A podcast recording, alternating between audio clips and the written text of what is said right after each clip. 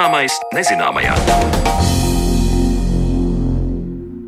Esiet sveicināti ar jums kopā Sandra Kropa, un šodien raidījuma zināmais nezināmajā uzmanības lokā nonācis jaunākais ziņojums par klimata pārmaiņām.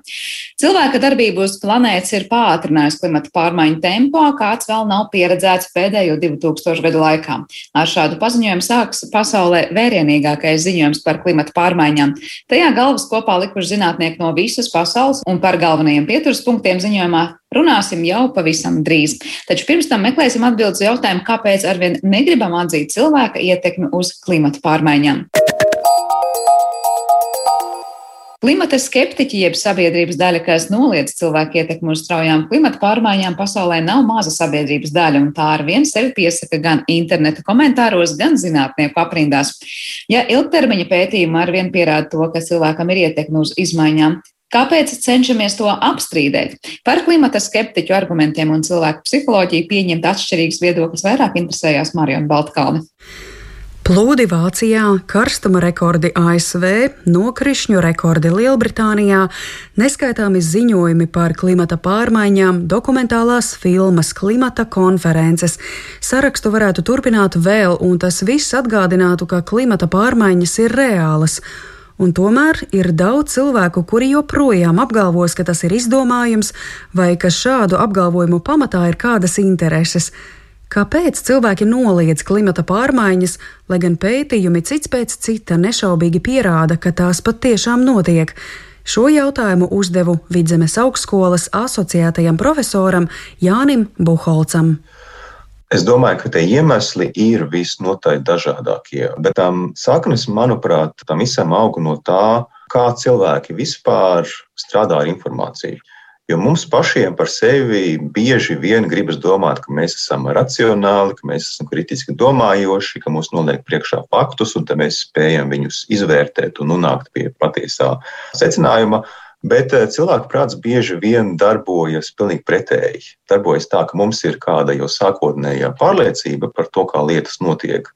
Un tad mēs pielasām faktus. Un, ja mēs gribam, protams, tad mēs tiešām varam atrast arī dažādus apgalvojumus, dažādus šķietami loģiskus, pamatotus skaidrojumus par to, kāpēc tā visa klimata zinātne ir problemātiska, ka tur viss ir samanipulēts un ka īstenībā viss, viss ir pilnīgi citādāk.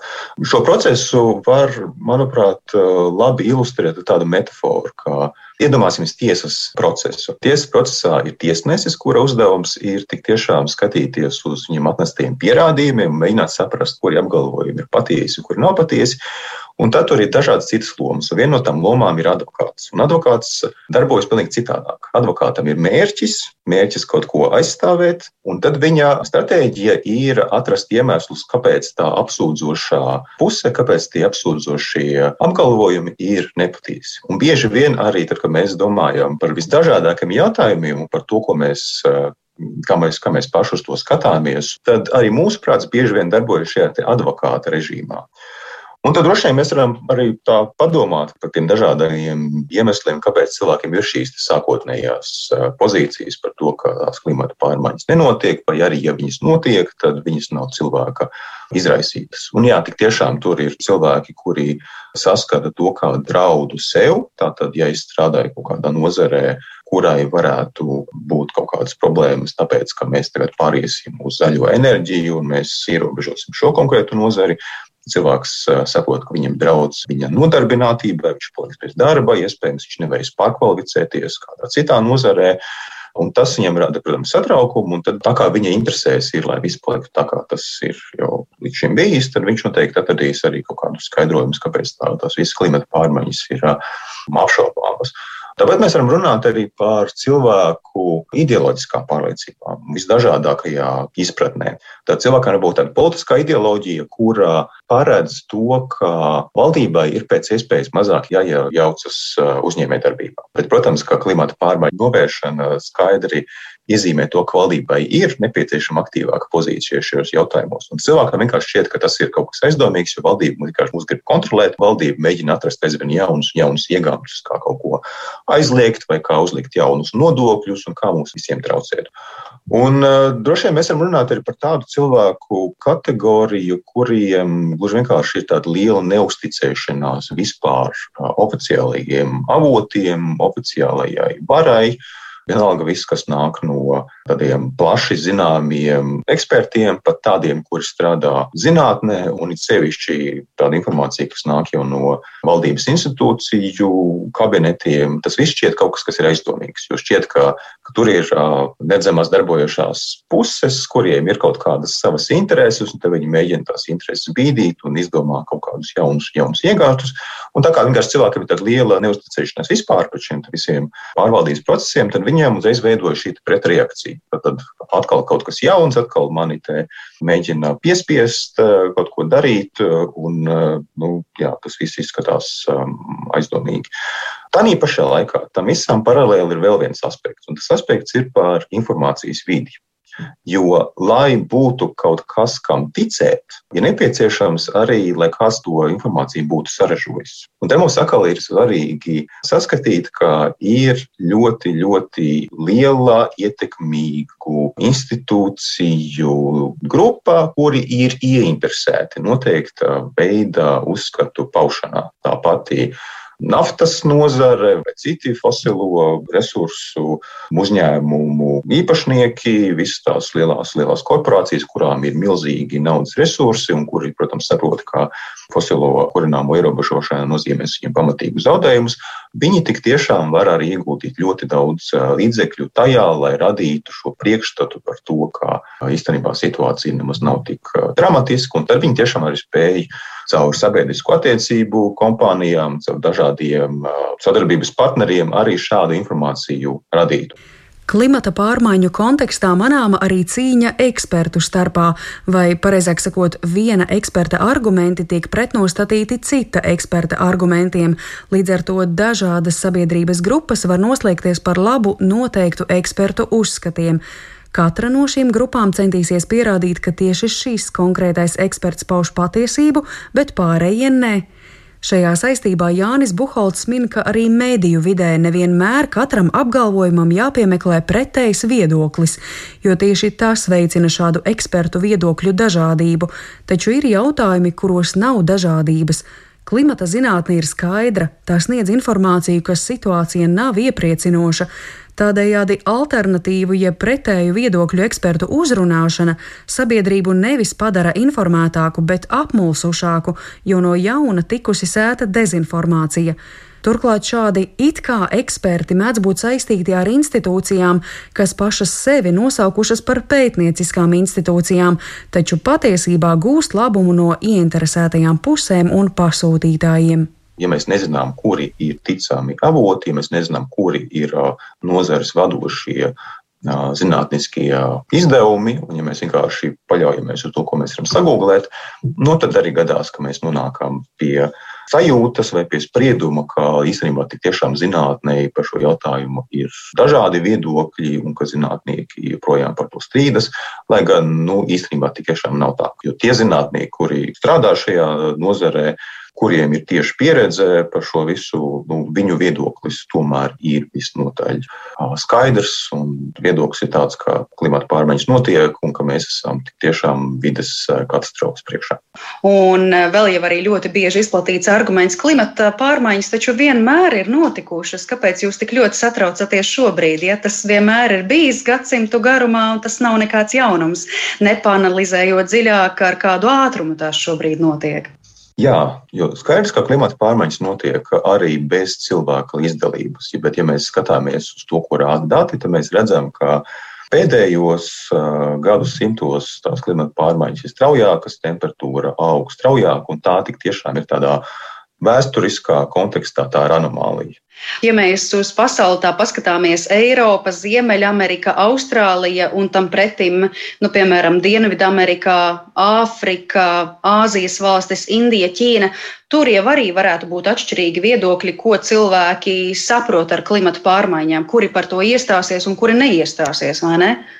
Es teiktu, ka šāda veida domāšana, kura tik tiešām eksistē, Viņi jau arī ilustrē to selektīvo pieeju faktiem. Tad mēs atradīsim iemeslu, kāpēc mums tas nav jādara. Mēs pateiksim, ka mēs esam pārāk nabadzīgi, vai mums pienākas tiesības izmantot savus resursus, pienākas tiesības attīstīt savu ekonomiku, un tad jūs tur tie pārējie, kuri jau ir bagāti, jūs tad arī piebremzējat to visu. Mēs noteikti varam runāt par to, ko var prasīt no kuras valsts, jo nu, nav noliedzams, kā Ir valstis, kuras to var atļauties, un ir valstis, kuras to nevar atļauties. Bet tas noteikti tādā gadījumā ir tāds, ka nav jau arī tā, ka ir viens veids, kā šos jautājumus var globāli risināt. Noteikti ir dažādas valstis, kurās ir dažādi veidi, kā risināt klimata problēmas. Vienā gadījumā, tur, piemēram, ja ir valsts ar spēcīgi attīstītu rūpniecību, tad mēs varam domāt, kā mazināt izmešus no rūpniecības. Citā valstī var domāt eh, kaut vai par eh, plasmasas piesārņojuma mazināšanu vai kaut kādiem vēl citiem piesārņojuma avotiem. Tas noteikti ir eh, kontekstuāli. Droši vien šīs selektīvās pieejas dēļ arī rodas tas priekšstats, ka klimatu pārmaiņas nu, tā ir rietumnieku problēma vai ne problēma, kas ir radīta pārāk labas dzīves dēļ, ka tā nav mūsu problēma kaut kur citur pasaulē. Ne, šajā sakarā es pateikšu vēl vienu iemeslu, kāpēc cilvēkiem var šķist, ka tās klimata pārmaiņas īsti nav tādas nopietnas. Un tas ir stāsts par tādu mūsdienu dzīves iezīmi, kur ir saistīta ar to, kā mēs vispār uzņemam informāciju. Jo lielākā daļa no lietām, ko mēs zinām, ir tāda, ko mēs esam uzzinājuši no mēdījiem. Tad kāds mums par to ir pastāstījis. No visām lietām, ko mēs zinām, ir ļoti, ļoti maza tāda proporcija zināšanu, ko mēs esam ieguvuši tiešā kontaktā ar realitāti. Bet ir ļoti daudz tādas informācijas, ko mēs tādā veidā nevaram pārbaudīt. Un tad mēs paskatīsimies uz klimata pārmaiņām. Un arī pat ja mēs varam argumentēt, ka klimata pārmaiņas notiek un ka viņas notiek samērā strauji, un attiecīgi cilvēks var pamanīt, ka kaut kādas pārmaiņas eksistē, bet viņa tiešā pieredze viņam nesaka, no kurienes tas viss rodas. Un tad, attiecīgi, nu, tā, ko viņš pats redz savā ikdienā, viņš jau nevar izsvecināt, ka lūk, tagad ziemas kļūst citādākas vai vasaras kļūst citādākas, tāpēc, ka mums ir uzkāpās gāzes izmeši vai kaut kādi citi iemesli. Un vēl jau ir šie maldi par to, ka, piemēram, Latvijā dzīvojot, ka tas vispār mūs īpaši neskar. Mums vienkārši kļūst siltākas vasaras, ir taču patīkami, ka vasara ir garāka un viss ir labi. Bet nu, tam visam līdzi noteikti nāk arī citas sekas, tā izskaitā sausums, un ja kaut kādas katastrofālas problēmas notiek citās pasaules valstīs, tad tas tomēr arī kaut kā var ietekmēt mūs.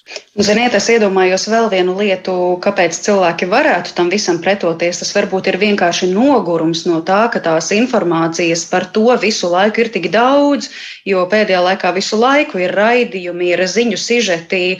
Un tieši tāpat kā pandēmijas laikā cilvēkiem vienu brīdi varētu iestāties tāda sajūta, nu vai tad nav nekā cita, par ko rakstīt, ja tikai Covid-19, tikai klimata pārmaiņas, nu jau apnicis. Un kaut vai arī nesen, kad bija tie milzīgie plūdi Vācijā, protams, ka atkal klimata zinātnieki skaidroja šos plūdus saistībā ar klimata pārmaiņām. Un tad atkal, lai gan tas mērķis jau ir pateikt, paskatieties, kas notiek, tie cilvēki, kuri tam pretojas, varētu teikt, ah, nu jā, nu tagad atkal vienu notikumu Vācijā atkal sasaist ar klimatu pārmaiņām. Patiesībā notiek pretējs efekts. Jā, tā ir ļoti, ļoti laba doma, jo tas ir arī dokumentēts šī parādība par to, ka cilvēkiem mēdz būt pretreakcija pret uh, dramatiskiem klimata pārmaiņu skaidrojumiem. Jo klimata pārmaiņas tieši ir tā joma, kurā ir ļoti viegli parādīt dažādus dramatiskus pierādījumus. Mēs parādām, kā kūst ledāji, mēs parādām plūdus, mēs parādām arī vētras un visu, visādas klimata nestabilitātes. Un zinātnes komunikatoriem var šķist, ka šim ir jābūt pārliecinošam. Mēs parādīsim cilvēkam tās šausmas, kas notiek un kas vēl notiks. Viņiem būs jāsaprot, ka, ja mēs šādā veidā turpināsim, tad būs slikti. Bet mēs būtu pretreakcija. Mēs būtu tā, ka cilvēks ierauga tās šausmas, viņš izjūt diskomfortu, un atkal ieslēdzas šie prāta rīki, kuros mēs no tā diskomforta gribam atbrīvoties. Un mēs atbrīvoties varam veidā, kurā mēs atrodam atkal šķietami loģiskus iemeslus, kāpēc tas viss nav īsts. Sarunas noslēgumā Jānis Buholts uzsver, ka klimata pārmaiņas ir joma, kurā komunikācija tikai ar faktiem nepalīdzēs. Jāsaprot, kāpēc skeptiķi šādi domā, kas ir bažu pamats klimata pārmaiņu noliekšanai, un tad attiecīgi var domāt, kā šīs bažas un nedrošības mazināt. Un šeit kāds testa jautājums, ko iespējams uzdot noliedzējiem. Ja jums ir oponents, vienalga kurā jomā, un jūs strīdaties, strīdaties, un jūs nevarat nonākt pie kopējā secinājuma, vai jūs nespējat otru cilvēku pārliecināt, tie ir tas testa jautājums oponentam. Vai jūsuprāt, eksistē kādi fakti, kuru dēļ jūs savu pozīciju mainītu? Nav runa par to, vai es jums tos faktus šajā brīdī varu iedot, bet vai jūs varat iedomāties, ka vispār pasaulē eksistē kaut kādi fakti, kas liktu man mainīt manu pozīciju? Un, ja cilvēks saka, nē, es nevaru iedomāties tādus faktus, lai ko jūs man sacītu, es palikšu pie sava, nu, tur ir skaidrs, ka diskusija ir sarežģīta. Bet, ja cilvēks var tomēr saprast, ka kaut kādi fakti liktu man pārskatīt manu pozīciju, tur jau saruna ir iespējama.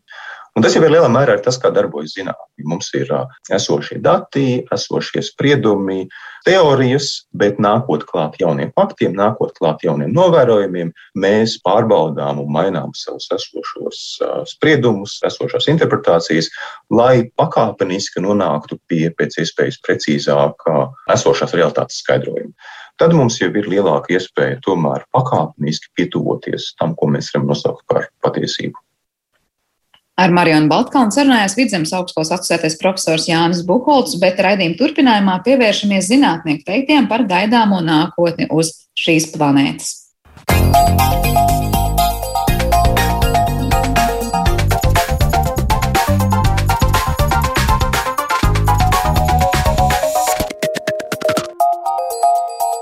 Zināmais nezināmajā. ANO starptautiskais klimata pārmaiņu paneļa jaunākais ziņojums nav iepriecinošs nevienam, kuram rūp vide un cilvēka dzīve uz šīs planētas. Te 4000 lapu garais ziņojums detalizēti skaidro aktuālās klimata izmaiņas, kā arī paredz tuvāko nākotni. ANO runas vīri to nodēvējuši par sarkano kodu cilvēcei, cerībā, ka nākamais klimata samits nāks ar labākiem lēmumiem klimata jomā. Vairāk par šo ziņojumu tad arī runāsim ar mūsu attālinātās studijas viesiem, un pie mums šodien ciemos ir, un pie mums šodien ciemos ir Latvijas Universitātes Geogrāfijas un Zemeszinātņu fakultātes profesora un pētniece Āgrita Briede, kā arī šīs pašas fakultātes pētnieks un biedrības zaļā brīvība vadītājs Jānis Brīsga. Labdien jums abiem! Labdien! Labdien!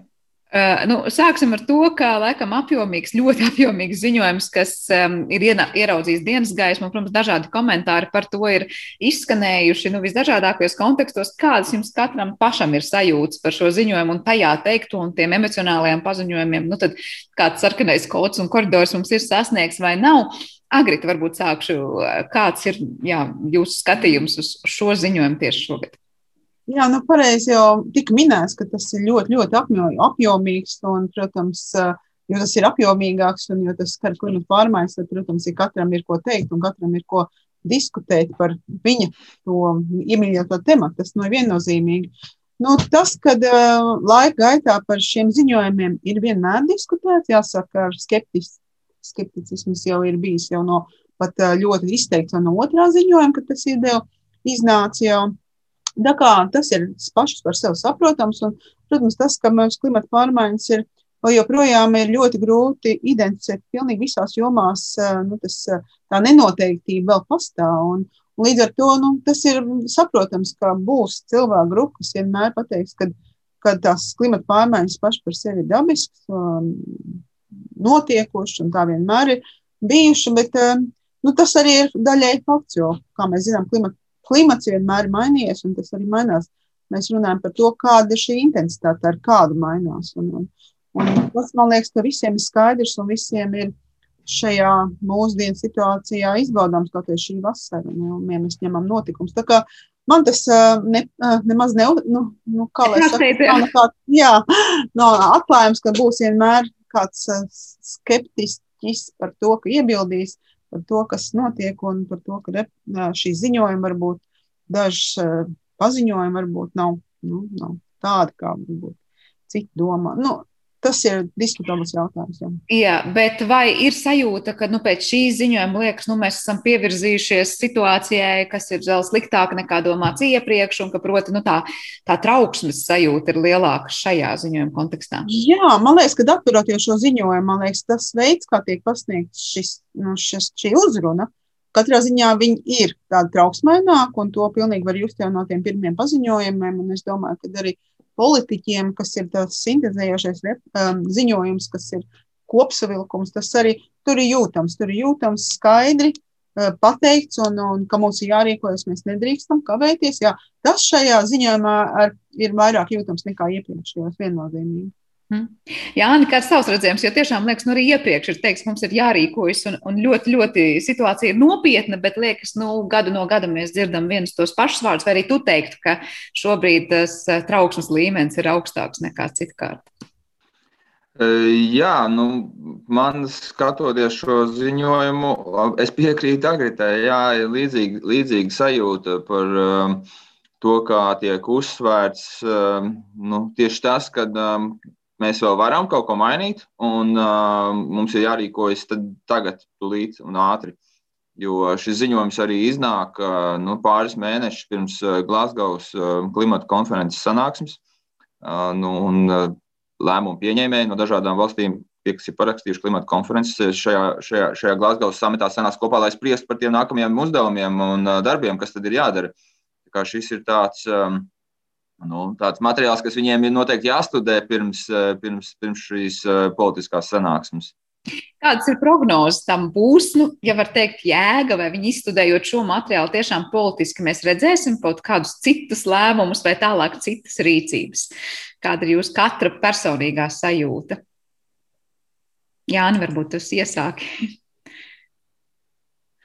Jā, nu, ziņojums uzsver ļoti daudz šos klimata riskus, kas, kas, kas nu, tiek saistīti ar klimata pārmaiņām, gan sausumu, gan plūdi, gan vētras. Tās, kas notikušas Eiropā, gan, gan, gan, gan citās vietās, šo pieaugušo temperatūras pieaugumu, ja, tas, kad varbūt šīs temperatūras pieauguma tempi nav bijuši tādi tik lieli ja, pēdējos pāris tūkstošu gadu laikā, vai arī to, ka CO2 koncentrācija atmosfērā nav bijusi, nav bijusi tik augsta pēdējo miljonus gadu laikā. Ja.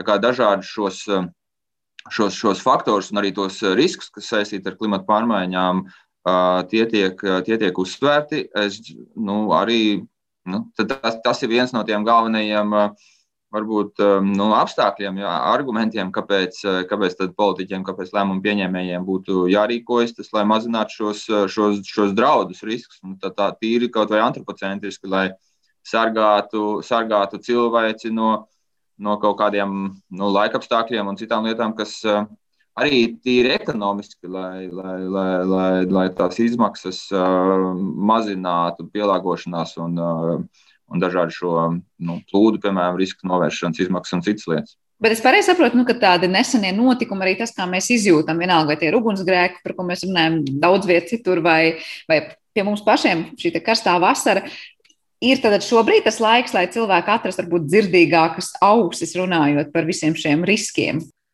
Es domāju, ka nu, katru, katru sausu mēnesi vai karstu, karstu vasaru mēs nevaram norakstīt uz klimatu pārmaiņām. Uh, bet uh, tās sakarības arī šajā ziņojumā tiek, tiek, tiek nu, uzsvērtas un rādītas, ka nu, arvien vairāk un vairāk, arvien vairāk šie nu, neraksturīgie, varbūt nepierastie dabas apstākļi tiek sasaistīti ar cilvēku darbību. Ja? Un, un tas, tas ir kaut kas tāds, kas tiek uzsvērts. Agrīt droši vien precīzāk un vairāk zina par šo. Gribēju teikt, Agritē droši vien ir ko komentēt šajā kontekstā un cik ļoti sasaistīsim ar notikumiem šobrīd un to, kādas rīcības sagaidām no politiķiem, ne tikai politiķiem. Nu, man liekas, ka šī situācija pēc šīs vasaras un pēc, īpaši pēc, mežu, pēc šiem ugunsgrēkiem plašiem, kas plosījās joprojām Eiropā, man liekas, ka ir tā labāka vide nekā, ja nebūtu šī, šo ekstremālo notikumu noteikti. Jo cilvēkiem, man liekas, ka ir tāda salīdzinoši īsa atmiņa Nu, tas, kad, nu, kā jau Jānis teica, tas, kad uh, mēdz būt augsts vasaras, mēs to ļoti labi zinām. Mēs salīdzinām kaut kādā desmit gadu atpakaļ vasaru un, un varbūt Ziemassvētku, kas mums bija tā viena tā pati temperatūra, ja jāņem. Ja. Tā kā, nu, Bet tas kaut kā paiet, un ja, ja šī Glasgow konference tieši tas šis samits notiek tieši nu, ļoti, ļoti tuvu šiem, nu, šiem ekstrēmiem, ekstremāliem notikumiem, man liekas, ka tā tāda uh, nu, nu, pozitīvāk, tādā ziņā pozitīvi no tāda, lai mēs pieņemtu tādus labvēlīgākus lēmumus šai, eh, šai nu, klimata sistēmai. Nu, kopumā man tā šķiet, ka vienmēr tā notiek, tad, kad sāk runāt, tad, kad kaut kas ir noticis, un, un to proaktīvo reakciju varbūt tā mazliet netik ļoti atbalsta. Nu, vismaz man tā Mana pieredze tā rāda, varbūt Jānis ir savādāk, bet man tā šķiet, ka tomēr tā proaktīvā rea reakcija ir labāka tad, kad tie apstākļi saskan ar, ar šiem reāliem apstākļiem. Jā, tad, kad uz savas ādas esam izbaudījuši, ko tas nozīmē. Tad... Jā, un ka vēl mums ir svaiga atmiņā tas viss, ko mēs sajūtam un ko mēs esam redzējuši arī varbūt TV ekrānos un masu mēdījos dzirdējuši. Man liekas, ka vairāk runās tieši par nevis par tiem diviem grādiem, kas Parīzes nolīgumam, bet vairāk par tiem 1,5. Un tas arī tajā ziņojumā parādās, tāpēc, ka nepārsniegšu šo 1,5, tāpēc, ka tad šīs sakarības, kas notiek šajā visā sistēmā, ekosistēmā un klimatā, ir vairāk, vairāk vai mazāk labāk saprotams nekā tad, ja mēs to divu grādu robežu pārsniegtu. Un, man liekas, akcents tiks liks tieši uz šo nu, tieši uz šo 1,5 grādu robežu nepārsniegšanu. Un, protams, arī kā Jānis minēja, šie riski, nu, viennozīmīgi riski, un arī šie, nu, nu jā, šajā varbūt samitā tie ieguvumi varbūt netiks atspoguļot tie vairāk, ka katrs valsts šajās programmās, stratēģijās un rīcības plānos, bet, bet kopumā, man liekas, tiks akcentēts tieši šie zemākie grādi. Vai jūs, prāt, ir reāli šis 1,5 grādi, nevis 2 grādi, par ko mēs runājam, ka nepārsniegsim? Kāds ir tas vērtējums? Mm, no IPCC ziņojumos ir dažādi šie scenāriji, un viņi nu, nonāk pie dažādos, dažādās, dažādos rezultātos, dažādās vietās. Un, šis 1,5 grādu scenārijs nu, joprojām tiek piedāvāts kā reāls, bet tad mums šīs, nu, šīs desmit gadus laikā ir būtiski jāsāk mazināt šīs emisijas. Ne tikai dažās valstīs, bet nu, sākot ar visām lielajām, lielajiem emitētājiem. Un tajā 50. gadā mums ir jānotiek ne tikai Eiropā, bet globāli jānonāk pie, pie šīs klimata neutralitātes. Bet, protams, dabas procesiem ir arī nu, ļoti liela inerce. Un, uh, tas, uh, tas nenozīmē, ja mēs samazinām arī emisijas, tas nenozīmē, ka klimata pārmaiņa, arī šis cilvēku radītais efekts kaut kādā veidā apstājas. Uh, viņš uh, turpinās. Man liekas, ka uh, tieši pēdējās desmit gadēs varbūt uh, šis ir nu, papildus vairāk un vairāk pētīts tieši, kas notiek ar šiem mm, nu, metāna emisijām, izkūstot ledājiem, jā, atcedzot kaut kādus šos. Šo, šīs teritorijas, un uh, kas notiek ar okeānu, ar okeānu spēju piesaistīt šo oglekli. Uh, okeāns, man liekas, ir viena no jomām, kas uh, kas ir varbūt vismazāk izzinātā droši vien. Lai, lai, lai, lai, un jo okeānam ir ļoti būtiska loma visā šajā klimata, klimata procesā, arī oglekļa aprits ciklā un arī pašā klimatā. Tā kā, no šīs, man liekas, jomas, kas pēdējos desmit gadēs ir arvien vairāk, vairāk pētītas, un šie modeļi nu, uzlabojas, bet droši vien tāpatās vēl līdz galam nav skaidri arī ziņojumā uzsver to, ka 2-3 eh, metri ūdens līmeņa celšanās ir ļoti reāli. Tas sliktākie scenāriji par 15 metriem. Tas eh, nu, ir eh, ļoti būtisks ūdens līmeņa kāpums. Un, ja mēs zinām, ka lielākā daļa nu, apdzīvotības ir tieši pašā piekrastē, ja, cilvēki cenšas dzīvot pēc iespējas tuvāk ūdeņiem, tad tas arī, protams, uz, uz, uz cilvēkiem atstāja ļoti būtisku risku Jā, jā, tu jau piesauc te vairākus aspektus, par kuriem gribējās parunāt vairāk, arī par šo ūdens līmeņa celšanos. Es saprotu, kas arī nu, liek domāt, ka tas notiks daudz vairāk nekā uzskatīts līdz šim. Es pareizi saprotu, nu, ka mēs saprotam, ka tas risks varbūt ir par maz novērtēts. Akrit, varbūt kāds ir skatījums, ja mēs skatāmies, nu jā, vai mums pirmkārt tā jautājuma otrā daļa ir reāli nepaukstināt šo te temperatūru par, nezinu, 1,5 grādiem. Ko tas nozīmēs planētai un kā ir ar šo ūdens līmeņa celšanos, ko nozīmē, ja tie tiešām būs tie minētie pat 15 metri. Jā, nu par to okeāna lomu šajā visā sistēmā, protams, tā ir nenovērtēta. Un varbūt, un varbūt es gribētu vēl atsaukties uz vēl vienu ziņojumu, kas iznāca mūsu reģionam tuvāk tieši šajās arī nedēļās, varbūt nedēļa pēc šī IPCC parādīšanās. Tas ir tieši šis saucamais bada ziņojums, kas ir Baltijas jūras reģiona klimata pārmaiņu novērtējums. Un, un arī šeit tāpatās kā IPCC ziņojumam sanāk kopā šie zinātnieki un raksta šo uz recenzētiem zinātniskām publikācijām, tāpat tās, kā tas ir IPCC gadījumā, bet šis reģions ir Baltijas jūra. Jā, tātad, un ko es gribēju teikt par klimatu, tieši kas šajā ziņojumā ir uzsvērts? Nu, tiešām, kā Jānis teica, ka tā okeāna loma vēl ir nenovērtēta un ļoti daudz šī nenoteiktība, kas ir modeļos un kas nav izskaidrojama varbūt ar mākoņu veidošanos. Un, un, un air, nu, ļoti daudz ir tādas kas vēl joprojām bija tāds kā.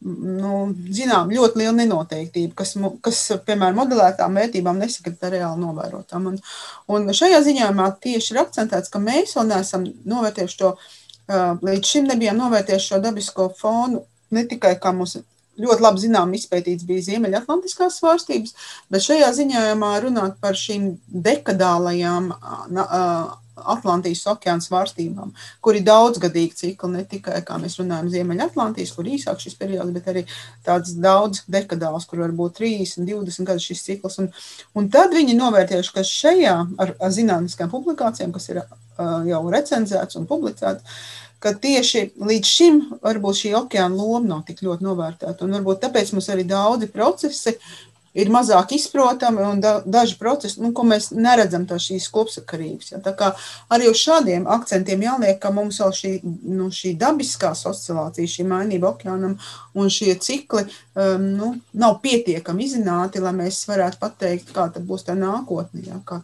jo šis dabiskais fons arī, protams, okeānam ir ļoti milzīga ietekme uz šo klimatu sistēmu, kā mēs zinām. Gan, gan ar visu, nu, jebko, jebko mēs runājam, okeānam ir milzīga gan nokrišņiem, gan iztvaikošana, gan ar sasilšanu. Tā kā, tā kā, nu, šeit mēs arī varam tādu minēt to, ka okeāna loma vēl joprojām tiek pētīta, un varbūt arī atsevišķos ziņojumos un rakstos tieši pastiprinās šis dabiskais, dabiskais efekts uz šo klimatu uh, sistēmas izmaiņām. Ja. Tā kā arī tāda var būt ietekme. Bet ir pamats domāt, ka varbūt labi, mēs tagad runājam par okeānu. Labi, tas līdz galam varbūt vēl daudz nav apzināts un izpētīts, bet ir kaut kādas tās citas. Uh, Tostarp arī okeāna dabiskās sistēmas, kas, piemēram, nu, piesaista to, to, to, to oglekli, bet nespēja varbūt jau vairs tik labi veikt to savu funkciju. Nu, proti, ka mēs jau esam pietiekoši tādā izmainītā pasaulē dzīvojam, vai meža mums kļūst mazāk un tā tālāk un tā joprojām. Un proti, ka nu, tas, kur mēs dabā gaidām, ja tā var teikt, palīdzību klimata seku pārmaiņu mazināšanai, īsti vairs nespēja darboties tik labi, kā mēs to gribētu. Nu, ar ne, nespēja ar to tikt galā, to apjomu, ko mēs teicām. Jā, šeit mēs runājam par šiem strāvu samazināšanos, varbūt to spēku, kas mums ir Atlantijā un daļa apdzer no šīs, to zināmās golfstrāmas. Un tas ir par iemeslu arī tas, ko skaidro, ka iespējams arī dēļ šīs pa, nu, pavaināšanās, arī, ka mums arī šie klimata ekstrēmi, tādi kā spēcīgi nokrišņi tomēr būs vairāk, ņemot vērā, ka šīs traumas pavaināsies. Jā, mēs visi runājam par to, un arī ziņojumā ir teikts, arī minēts par šīs golfs traumas izmaiņu. Nu, Golfs traumas kā viena atzēra, protams, mēs šos visu sistēmu Atlantijā saucam savādāk. Tā kā ir, jā, ir arī tāda runa par to, ka tas var izmainīt un viennozīmīgi, jā. Jā, kā tu teiktu par to, kur vairs nu, daba nevar varbūt tik ļoti palīdzēt, kā gribētos, lai tā palīdz mums mazināt klimata pārmaiņu kaut kādus nu, efektus? Nu, jā, klimata pārmaiņu rezultātā oglekļa koncentrācijas atmosfērā nu, pieaugums arī noved pie, pie okeāna paskābināšanās, un tas, protams, nu, maina arī šos spējas piesaistīt, piesaistīt oglekli. Tur nu, šie, šie, šie procesi tādā veidā ir savstarpēji arī saistīti. Tad tā okeāna, okeāns kā tāds, nu, tāds klimata buferis mums novājinās. Ja? Viņš, viņš, viņš tā vienkārši sakot, viņš vairs nav tik, nu, tik aktīvi neiesaistās tajā oglekļa piesaistē. Līdzīgi, nu, līdzīgi kaut kāda procesa ir skatāmi arī, arī, arī citās, citās sistēmās. Es arī ne, nesen bija publicēts Nature raksts, kas skatījās, kādā veidā augi piesaista oglekli, mainoties CO2 koncentrācijām atmosfērā. Un, tā kā paradoxālā kārtā parādījās arī, ka meži varētu arī vājāk piesaistīt oglekli, pieaugot, pieaugot CO2 koncentrāciju. Kā būtu jābūt otrādāk, vai ne? Nu, dabīgi, ka, uh, kā koki vai nevar teikt, elpo un augi elpo no, no, no, no no, no ogliskābās gāzes. Ja, bet tajos eksperimentos, kas, kas, kas, kas, kas bija veikti šajā pētījumā, ja, viņi parādīja, ka tas varētu būt pretēji. Es domāju, ir dažādas šīs sistēmas, kas. Uh, nu jā, tās atgriezniskās saites pa tiem pašiem purviem, uh, kūstot ledājiem ja, un metāna emisijas potenciālais pieaugums. Ja, tā tās, tās, tās varētu būt arī šīs virsmas, nu, izkūstot ledājiem, samazinās šī astarojošā virsma, ja, kas uh, nu, atstaro siltumu. Arī, arī, arī šāda veida nu, negatīvs varbūt nu, dab, jā, šie, šie, šie dabiskie procesi, kas vairāk var pastiprināt tās klimata pārmaiņas. Noteikti ir arī kaut kādi procesi, kas pretēji darbojas. Jā, noteikti arī šī sadrumstalotība, piemēram, nu, tā, kaut vai mēži, vai ne, nu, ja viņi ir lielāks, vien, viengabalaini platība, tad nu, ja mēs skatāmies pēc maziem, daudziem gabaliņiem un meža platībām, tad katrā ziņā tāda man, lielāka, viennozīmīga var spēja labāk šo lomu, šo darbu darīt, nekā tādas mazas sadrumstalotas. Ja. Aizsargāt, es tā domāju, nu, tāda viedokļa arī. Ja. Jāņem vērā arī mums šī sadrumstalotība visam jā, nu, jūs runājat tagad par tām lietām, kuras tiešām mēs bieži arī piesaucam un runājam, kurā brīdī, kas mums, kā saka, nu, dabā varbūt nav kārtībā, tajā brīdī, kur kaut kas nestrādā vairs tā, kā gribētos, ar kur mēs daudz ko zaudējam. Vai šajā ziņojumā iznāca, nezinu, ieraudzīt kaut ko, kas var teikt, redz, kur ir efekts tam, ka jau es nezinu, cik gadiem varbūt ir veiktas kaut kādas dažādas rīcības, lai mazinātu klimata pārmaiņas, vai kaut kādas dzīvotnes saglabātu, vai viss ir skatāms tādās ļoti, ļoti pesimistiskās, jūsuprāt, krāsās, vai ir atrodams arī kaut kas, kas liek teikt, kaut kādos aspektos mums ir kaut kāds cerības stariņš pavīdējis, kā jārīkojas un kā jāsēmnieko, lai, lai varbūt nu, tās, um, tās sekas nebūtu tik graujošas. Godīgi sakot, ka visu šo lielo ziņojumu ir ļoti grūti tā, ieraudzīt tādas nelielas tādas studijas, tādas vietas, kas, kur ne, tas, ka tādas pasaulē tāds un reģionos daudzās vietas ir, kur notiek šīs ekosistēmas uzlabošana, stabilizēšana viennozīmīgi. Bet jāsaka, ka šajā IPCC ziņojumā tas, uz ko balstās, ir šī zinātniski recenzētā literatūra. Līdz ar to tādi atsevišķie, nu, tādi, nu, pop, ļoti, ļoti daudz ir tādi modeļi, um, modelēti uh, gadījumi, kur, kur mēs ņemam šos uh, satelīta attēlus un mēs ņemam šo ļoti lielo datu masīvu un tad mēs skatāmies, kas ir noticis. Un līdz ar to šādas um, nu, tādas tā kā piloteritorijas, kur mēs varam mēģināt atjaunot šīs ekosistēmas un nu, to, lab, to iegūt, redzēt to labo, tad šajā ziņā man tāds mazāk varbūt Jānis pamanīja, bet uh, katrā ziņā tas, es domāju, tas arī nav nu, tas arī nav tas aspekts, varbūt globālā ziņojumā runāt par ļoti detalizētu. Detalizētām lietām, bet viennozīmīgi tādas ir, un to mēs arī redzam pasaulē, ka tādas notiek. Ja. Bet tas nozīmē, ka tajos globālajos procesos nu, tās nekādas lielas ieguvumus vēl nav devušas. Ja? Nu, kā tādas labās rīcības uh, paraugi, jau, protams, kad ir, bet uh, vai es uh, tā neie, neiedziļinājos, varbūt Jānis spēja atrast. Es katrā ziņā no šos gadījumus tā, nu, man viņa acīs niekrit, jo es nevarēju, nepaspēju iepazīties ar pilnīgi visām nodaļām. Es domāju, 4000 lapus, reti kurš ir. Jā, es vairāk skatījos uz to fizisko to, izmaiņām. Jā, var, varbūt, ka jā. Jā, tev kāds komentārs, vai tavuprāt mēs varam skatoties šādus globālus ziņojumus, nu, kaut kādā mērā sajust to, ka tam, ko mēs jau darām, nezinu, labi vai slikti, pietiekoši, nepietiekoši līdz šim, nu, ir kaut kāda nozīme globāli. Nu, šis ziņojums tomēr skatās vairāk uz tās fiziskās, fiziskās dabas, ja? fiziskās vidas izmaiņām un, un, un, un, un pārmaiņām. Un, Un šiem dabas klimata procesiem ir, ir, ir ļoti nu, ilgstošas, lēnas šīs izmaiņu tendences. Un, nu, tad, nekas tāds, ko mēs izdarīsim šodien, un mēs redzēsim, kā klimats uzreiz sa, emisijas samazinās, tas uzreiz nenozīmē to, ka temperatūra samazinās vai ledni pārstāja kust un, un, un tam līdzīgi. Kā, tas varbūt šie pozitīvie stāsti varbūt ir jāmeklē tajos citos ziņojumos, ko IPCC arī, arī, arī izdod. Un, uh, ir šis uh, otrās darba grupas ziņojums, ja, kas tieši skatās uz uh, klimatu pārmaiņu ietekmēm, uz, uh, uz, uz dabas uh, procesiem, uz cilvēku. Ja.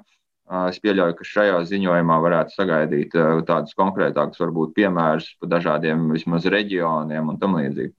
Šajā ziņojumā mēs redzam, ka no kā tos pesimistiskos stāstus, ja, ka tajos pie poliem tuvāk, ja, tā temperatūra kāp visstraujāk. Ja, mēs jau arī esam tādā, nu, vairāk tādā zie, zie, zie, ziemeļu, nevis, nevis nu, tajā daļā, ja, kur šis temperatūras, temperatūras pieaugums patiesībā ir visstraujākais. Un to jau arī, arī, arī Latvijas vidus geoloģijas meteoroloģijas centra šajos nu, vērtējumos arī mēs redzam, ka, ka tā temperatūras kāpums ir nu, tajā, varbūt tajā mūsu reģionā salīdzinoši izteikts, un arī, arī tajos ziemas periodos, ja, kas, kas um, nu, kur mēs zaudējam šo sniega segu. Un, un, un, tur, protams, tās atšķirības viena grāda.